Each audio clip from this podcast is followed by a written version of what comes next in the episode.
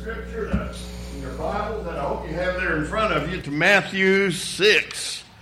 And we're going to continue this morning in God's Word. While you're turning there, I want to share something with you. Um, something I've been wanting to do for a long time and I never have. It's a modern parable. And you may have heard this, it's an old one. And I don't know that many people have heard it. It's a modern parable, and I'm going to let you figure out what it's all about.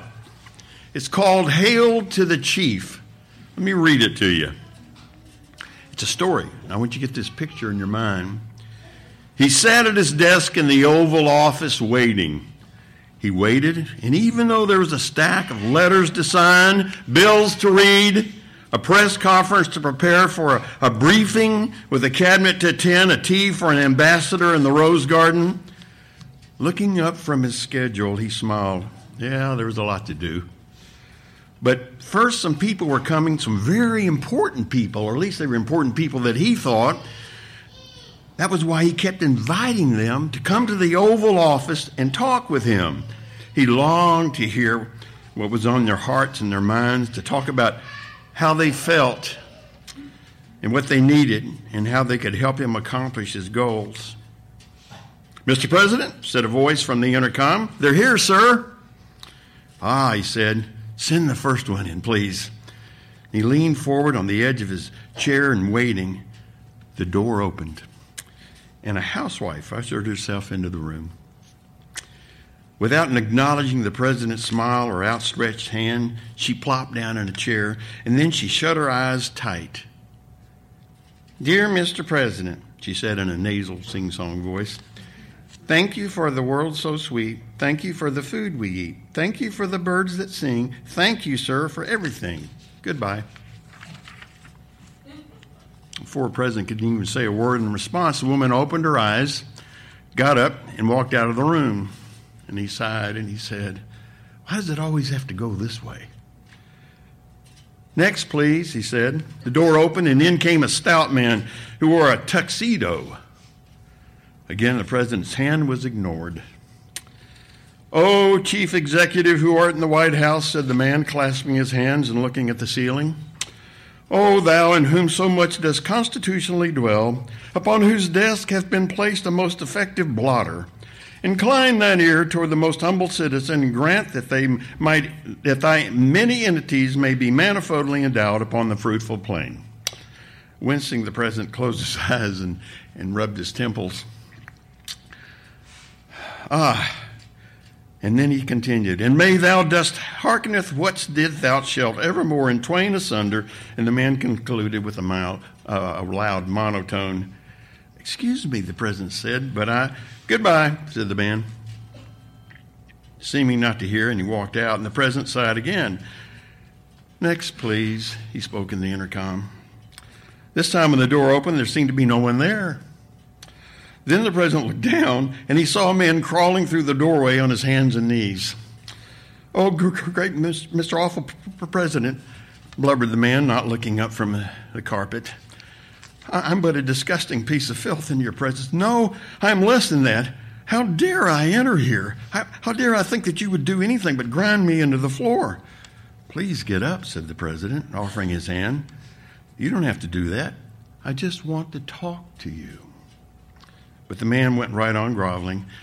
I deserve only to be squashed under the weight of our mighty desk, he said. I, I, I could never have gotten an, an, invitation to talk to you. It must have been a mistake. How, how can you ever forgive me for breaking, breaking in like this? Oh, I'm so sorry, so sorry, so sorry. But still on his hands and knees, he crawled out. And the man's groaning faded down the hall. And the president shook his head and then slowly pushed the intercom button. Next. And he said, tired. In a few minutes, a young man entered. He was wearing headphones and bobbing up and down to the music. Hey, Prez, the young man said, ignoring the direct handshake. Sup? He looked out the window. Check it out. Nice place you have here. Wow, I'm so glad we could have this little chat, you know? I, you're not bad for an old dude, I guess. Yeah, you don't bother me, I won't bother you. Well, gotta go. Hang in there, dude. See ya. And he walked out. The president just drummed his fingers on the desk. Next, please. An elderly man marched in, staring at a piece of paper in his hand. He too ignored the president's greeting. Mr. President, he declared, keeping his eyes on his list, I want there to be a parking space waiting for me when I go downtown this afternoon. Uh, not a parallel parking space either. Uh, one that I can drive right into, not one with a parking meter. Uh, you can see that none of those meter maids gives me a ticket. Now, this is important. The president just cleared his throat politely. Speaking of important, the president said, How do you feel about my program to feed the hungry? Would you like to be a part in? And another thing, the man said, I lost my best golf club, a putter. Can't remember where I put it. Now, you find it for me, will you? I uh, got to have that club before Saturday. I know you can do it. Goodbye. With that, the old man got up, shuffled out the door, and the president just kind of slumped in his chair. Next, he said, and there was a pause. And at last, a young woman entered slowly. She looked like a sleepwalker, eyes nearly shut, jaws slack, her feet dragging. She yawned and slid into a chair. Dear Mr. President, she said, her head drooping, I know I should talk to you when I'm more awake, but I've got so many things to do and so sleepy. And there was something I was going to say. What is, um, I was going to say, and she started to snore. The president buzzed his secretary who stepped in. Could you help this young lady? He asked, sighing again. Certainly, Mr. President, said the secretary. She helped the, the dozing girl to her feet, and the president gazed sadly out the window. How many do we have left? I'm sorry, the secretary said. But as usual, most of the people you sent invitations to said they were too busy to talk. They had to watch TV, go shopping, go to a ball game. Oh, said the president, isn't there anyone out there? Well, there is one, sir, but you wouldn't want to talk to him. Why not? Because he's just a child, Mr. President. The chief executive shrugged. Well, may as well show him in. Moments later, a little boy entered shyly. He looked around the room, his eyes wide. Are, are you really the president? He asked. The president smiled. I really am. And he offered him his hand. And the little boy reached up and shook it. And then he sat down, folded his hands in his lap, and waited. And the president watched, amazed, as the boy sat politely for nearly a minute. And then the president said, Isn't there something, something you want to tell me? Something you have to recite or, or to ask for or to say? And the little boy looked down for a moment, thinking, and then he looked up. Yes, he said, I guess there is. Well, what is it? said the president. Thank you for inviting me. That's all. And when the president heard that, he couldn't seem to say anything for a while. And he could do, all he could do is smile. But then they talked and talked and talked for the longest, and they had the most wonderful time. Neat story, isn't it? You know what we're going to talk about this morning? Prayer prayer with our Heavenly Father who's asked us to come into His presence. You have your Bibles there in front of you in Matthew 6. Let's turn to that.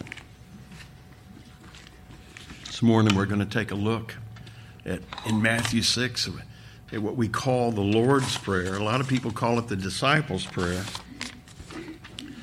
I don't care what you call it the disciples would come to Jesus and they'd ask him, Teach us how to pray, teach us how to talk to God.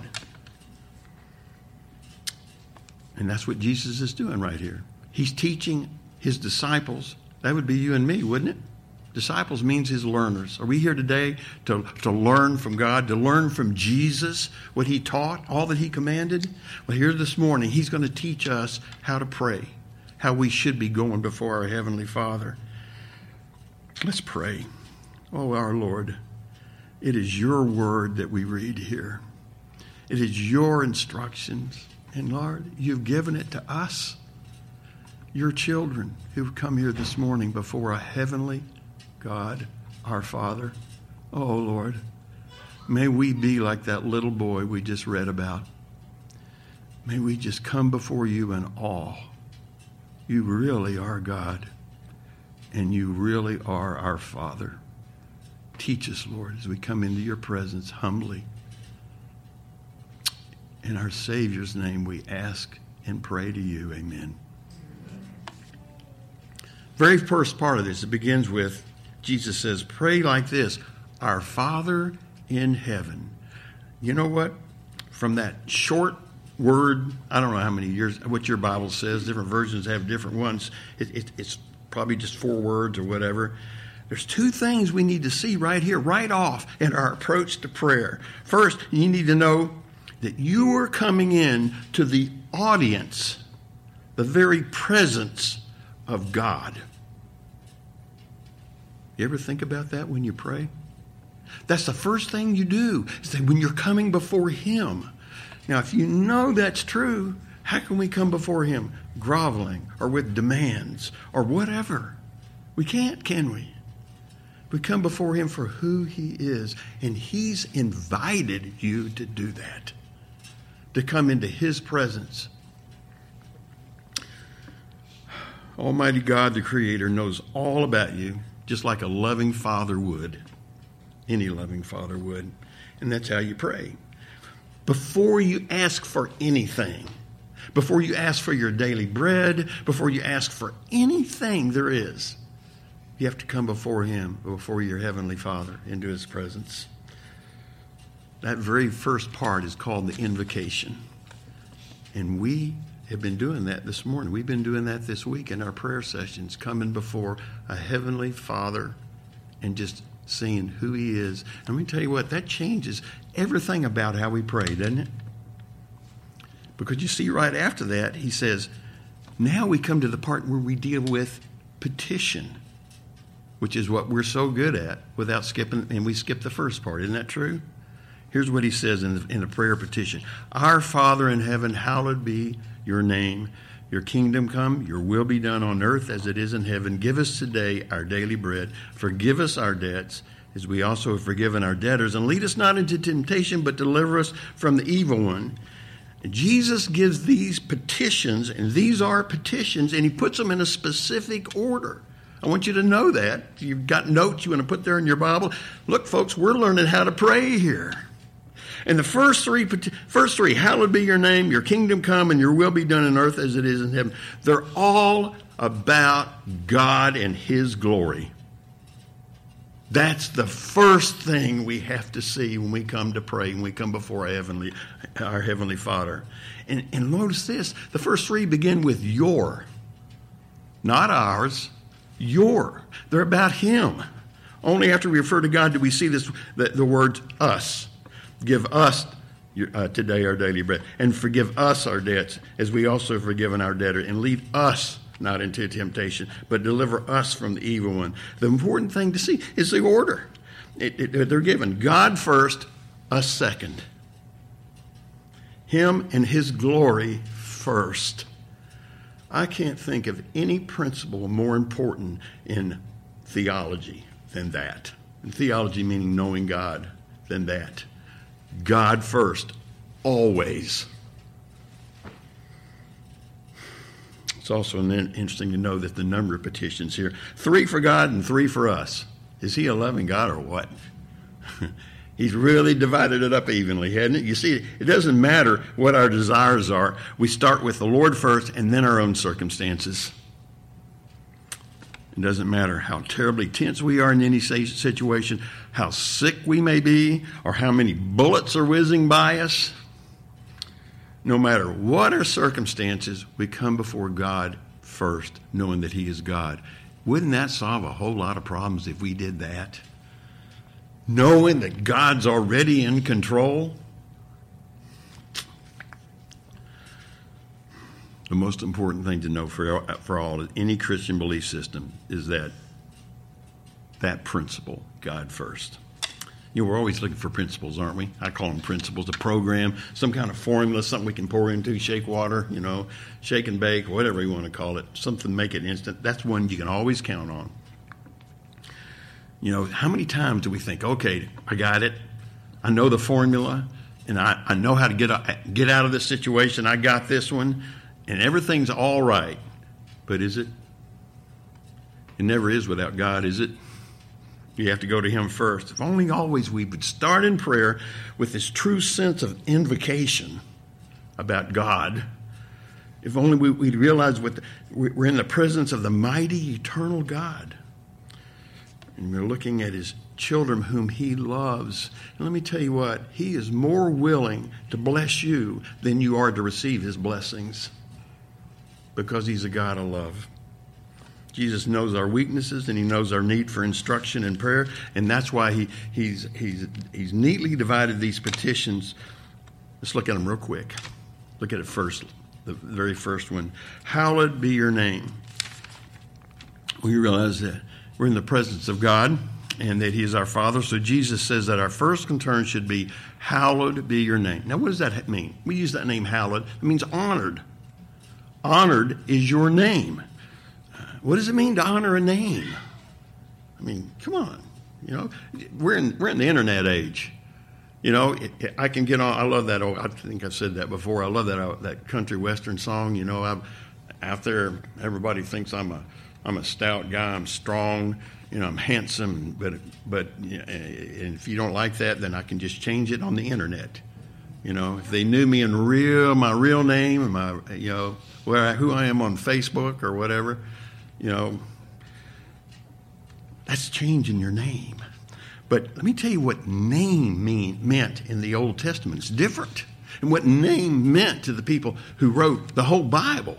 Name was something that was terribly important. As a matter of fact, the Jews may have done a lot of things. We said that this morning in Sunday school. The, the, Jews may have done a lot of things wrong in history, but one thing they always did was honor God's name.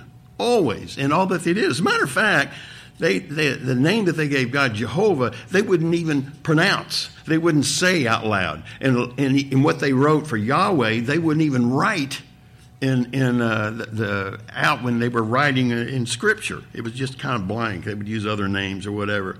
They felt that the very name and the and the letters were, were so holy and sacred. They were so that they were so small and unworthy that they wouldn't even mention His name.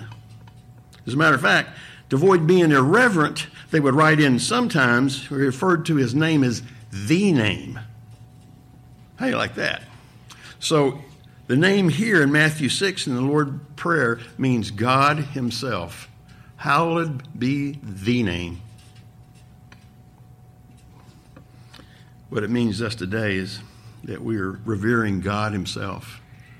We're honoring God Himself, praying that His name will be held above of all men and by all powers. You see, that's why when we pray that and we pray that right out loud, we're bringing others into that same honoring, that same making it all holy. We want Him to be high. You know, we used to sing that song, above all. You know, we want Him to be above all things. Uh, be a good song to sing sometime, wouldn't it? he is above all, and that's what we want the whole world to know about it by our testimony. So, as you read through the Bible, see how, how He's revealed Himself above all things in everything and how Israel responded to those, those uh, revelations with the names for his attributes.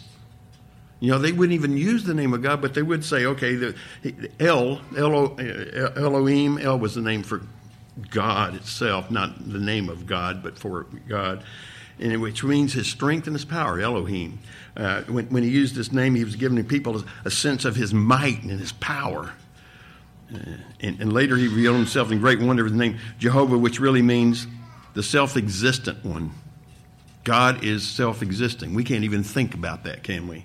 But we, we can honor him by knowing that, or at least saying that. I am that I am. That's what he said. I'm the existence itself, eternally self existent. Jehovah Jireh, the Lord will provide. Jehovah Rapha, the Lord heals. Um, Jehovah Nissi, the Lord our banner. Jehovah Shalom, the Lord of peace. Lord, our peace is the way that actually is. Uh, Jehovah Ra'ah, the Lord our shepherd. Jehovah Tsidkenu, uh, which is the Lord is present. Jehovah Shammah, all the way through the Old Testament. The Lord is revealing his character and his attributes, and everywhere that they wrote the name or, or an attribute about it. And here Jesus is teaching us to pray that the whole world may come to honor God like that. When, when we always come before God in prayer and with that, that kind of adoration and honor, um, our lives reflect it to the whole world around us. And that's what we do when we talk about the name of God. We have to hold it in reverence. The world does not do that. We live in a world that totally and completely holds God irreverently.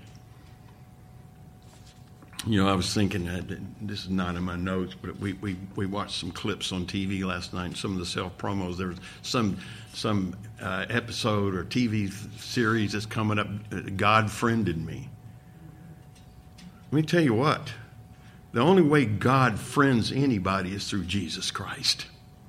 And to put something like that out there without Christ in the middle is irreverent to God. Jesus clearly shows that, that his consuming passion for honoring the, the Father is all that he did in his life. Did you ever read the high priestly prayer in, prayer in John 17? He said, I glor-, he says this to God. He's praying to God. I glorified you on earth, having accomplished the work that you gave me to do. I've manifested your name to the people whom you gave me out of the world. He's always concerned about the glory of God, not about himself. In John 8:50 he says right out loud, I do not seek my own glory. And he came to glorify his Father. And, and we see this that we only begin to understand the earthly life of Jesus. He knew that the glory that belongs to his Father because he has it. He had it before he became a man. And he has it before he became a man. He's not bound by time either, is he? He says, And now, Father, glorify me in your own presence with the glory that I had with you before the world existed. Jesus, the man, was filled with a sense of glory to God, just like we should be. You see that in the world around you? What unworthy ideas we have of God in the world. The common dialogue, the common conversation that's going on out there in the world seems to scream dishonor in everything that goes on. Um, I'm not in favor of going back to the Jewish practice of never mentioning God's name. I, I really think that's, that's an overload. But you know what? The world needs to know that we honor God and we honor Him by His name, the name of God. There's a sense where we, we need to be figuratively, figuratively take our shoes off when we come before God in prayer to honor Him. The psalmist delighted in celebrating God as our rock, God is our, as our peace, God is the shepherd who leads us, God is our righteousness, and God is the ever present one who never leaves us and never forsakes us. And the petition, hallowed be your name, means just that. Uh, there's an interesting term in uh, Psalm 34 or the writer involved, invites everyone to join him in magnifying the Lord. That's another one that we, we've sung before. Oh, magnify the Lord with me. Now, let me tell you what, think about that. Here's the God who has, we can't even begin to comprehend his thoughts. We can't even begin to understand eternal God, or self existence, or power, that he, all power is his. How do you magnify that? You want me to tell you how? You magnify it in the hearts of others. How you worship Him and how you praise Him. How you praise Him reverently. So, when you pray, what's going on in your heart? Are you there to magnify God, to worship Him for who He is? No matter how urgent the prayer need might be, we have to come before Him with things in order. God first, us second. There's a second petition in here. It is your kingdom come. Now, if we really gotten hallowed be your name right, then we find ourselves in his presence and in awe of him. Um, And we're wondering, why don't people, why don't other people know this? Why don't other people share in that awe and that wonder? And how can you not see this, this matchless, this immeasurable majesty of God? Why doesn't everyone fall down in his presence and, and spend all their lives telling of his glory? The answer, of course, is this thing that keeps us from showing the world. It's called sin. We keep worshiping sin, don't we? And we keep letting that into our lives. See, there's another kingdom out there. We talk about that kingdom come. That's his kingdom. But there's another kingdom going on out there. You know what I'm talking about. A whole kingdom of darkness and a kingdom of evil it belongs to Satan. And he's very real. And it's directly opposed to the kingdom of God. You know that. The God of this world and the God of the evil, the prince of darkness, he's real. And he is the God of this world for now. The God of the, you know, versus the everlasting God of the universe, whose side are you on? Why don't we fall down before him for who he is? The one who reigns, the one who sent his son who died and conquered death for you and me. Why don't we why don't we fall down before him in all that we do? When Jesus spoke these, world, uh, these words that we're reading here this morning, he was focused on the coming kingdom, and Jesus was here to bring it. Jesus brought in the kingdom. John the Baptist had been preaching, Repent, for the kingdom of heaven is at hand. That's in Matthew 3, if you want to go look that up. And then in the next chapter, when Jesus was preaching, you know what he said? Repent, for the kingdom of heaven is at hand. It's here, and it's in Jesus. Jesus was bringing in the kingdom of God. So at that point in time, he was teaching his disciples to pray for the kingdom to come quickly and increase. A prayer that is as meaningful and powerful today as it was 2,000 years ago. That's really what we want. We talked a little bit about that this morning in Sunday school. By the way, if you're not coming into Sunday school, you should. We, we talk about a lot of neat things in there. And, you know, if you say, well, I hadn't been keeping up, I hadn't been reading the Bible, that's okay. You can start anywhere. Uh, this next week, we start in the New Testament. So I'd encourage you to do that. And we're praying that his kingdom will come. Jesus ushered in the kingdom. But you know what? The kingdom is still to come for us, right? We're all waiting on him. You see, the kingdom of God is about who reigns, who the ruler of our lives is. That's what we need to be figuring out, folks. Who rules your life? Who rules everything in it? I pray it's Jesus. And that's his kingdom coming here. Let me tell you what, you have to make that choice. Is God going to rule? His kingdom going to rule? Or is Satan's kingdom going to rule? Just because we're living with the ruler of the world all around us, God's kingdom has come. And we do that, we go there by receiving Jesus Christ in all that we do, in all of our thoughts. So, if the kingdom of God really means the reign of God, then we, we can look at the kingdom really in three ways. In one sense, the kingdom of God has already come. It came when Jesus brought it in. He said, But it is by the finger of God that I cast out demons, and the kingdom of God has come upon you. It says that in Luke 11.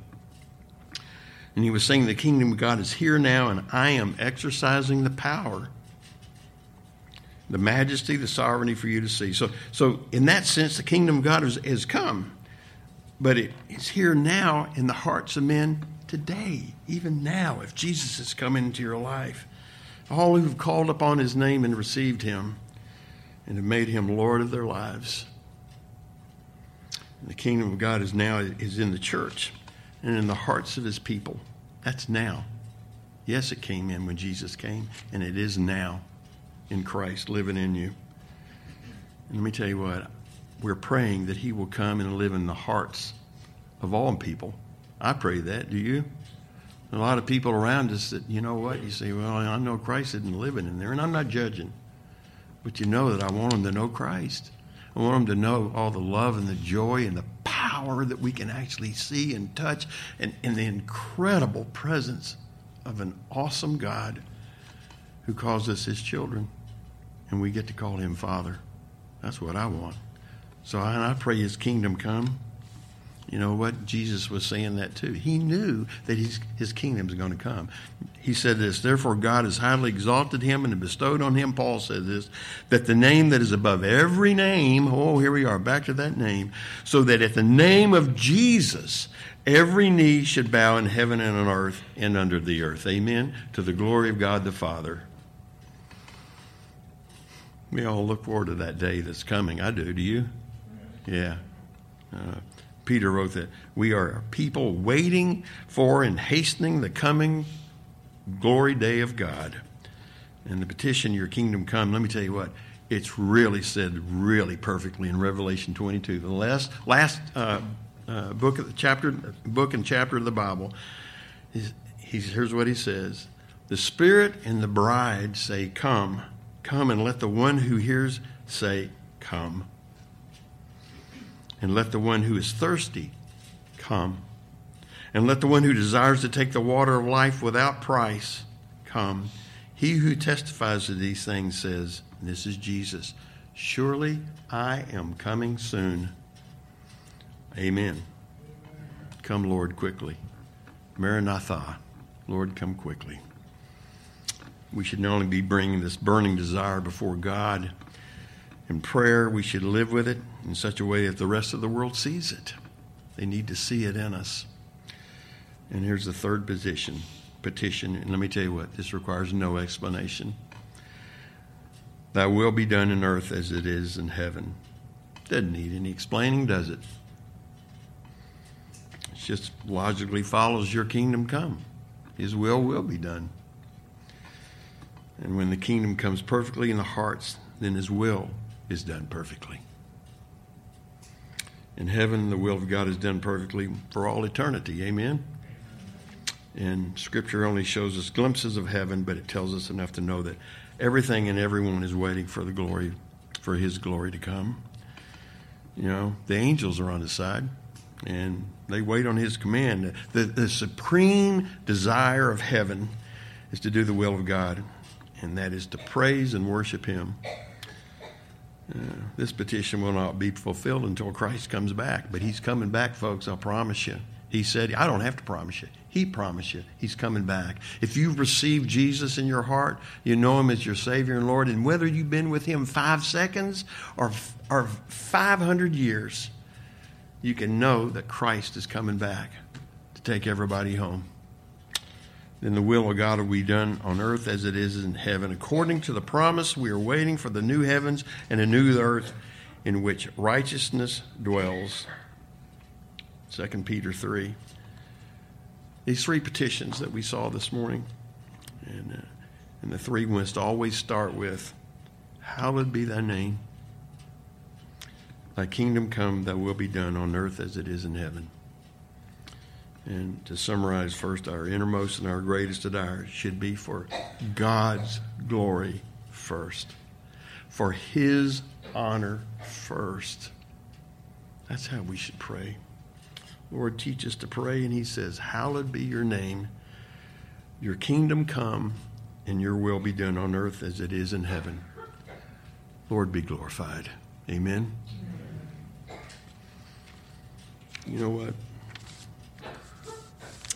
If you've never received Christ, if you've never come before Him and never experienced Him, He wants you to.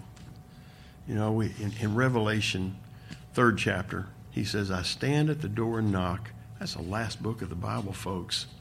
Jesus is still standing at the door and knocking, even in the last book of the Bible. Isn't that neat to know?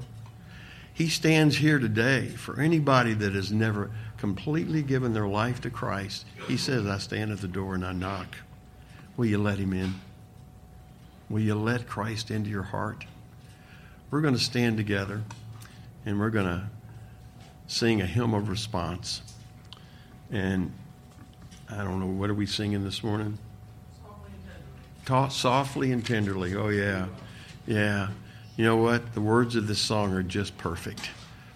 Because Jesus stands at the door and knocks softly and tenderly. Jesus is waiting.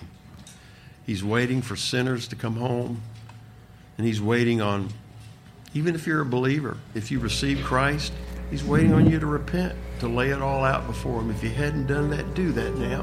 Don't wait. Give it all to Christ and know and know His love. But first, you have to bring honor and glory to God through His Son Jesus Christ. Amen. Let's stand together and let's sing this. And then to be dismissed this morning, when we get through, we're going to recite the Lord's Prayer together, okay? I don't know if you have that slide back up there, but if you don't know it by the slide, say it the way you always know it. Softly and tenderly.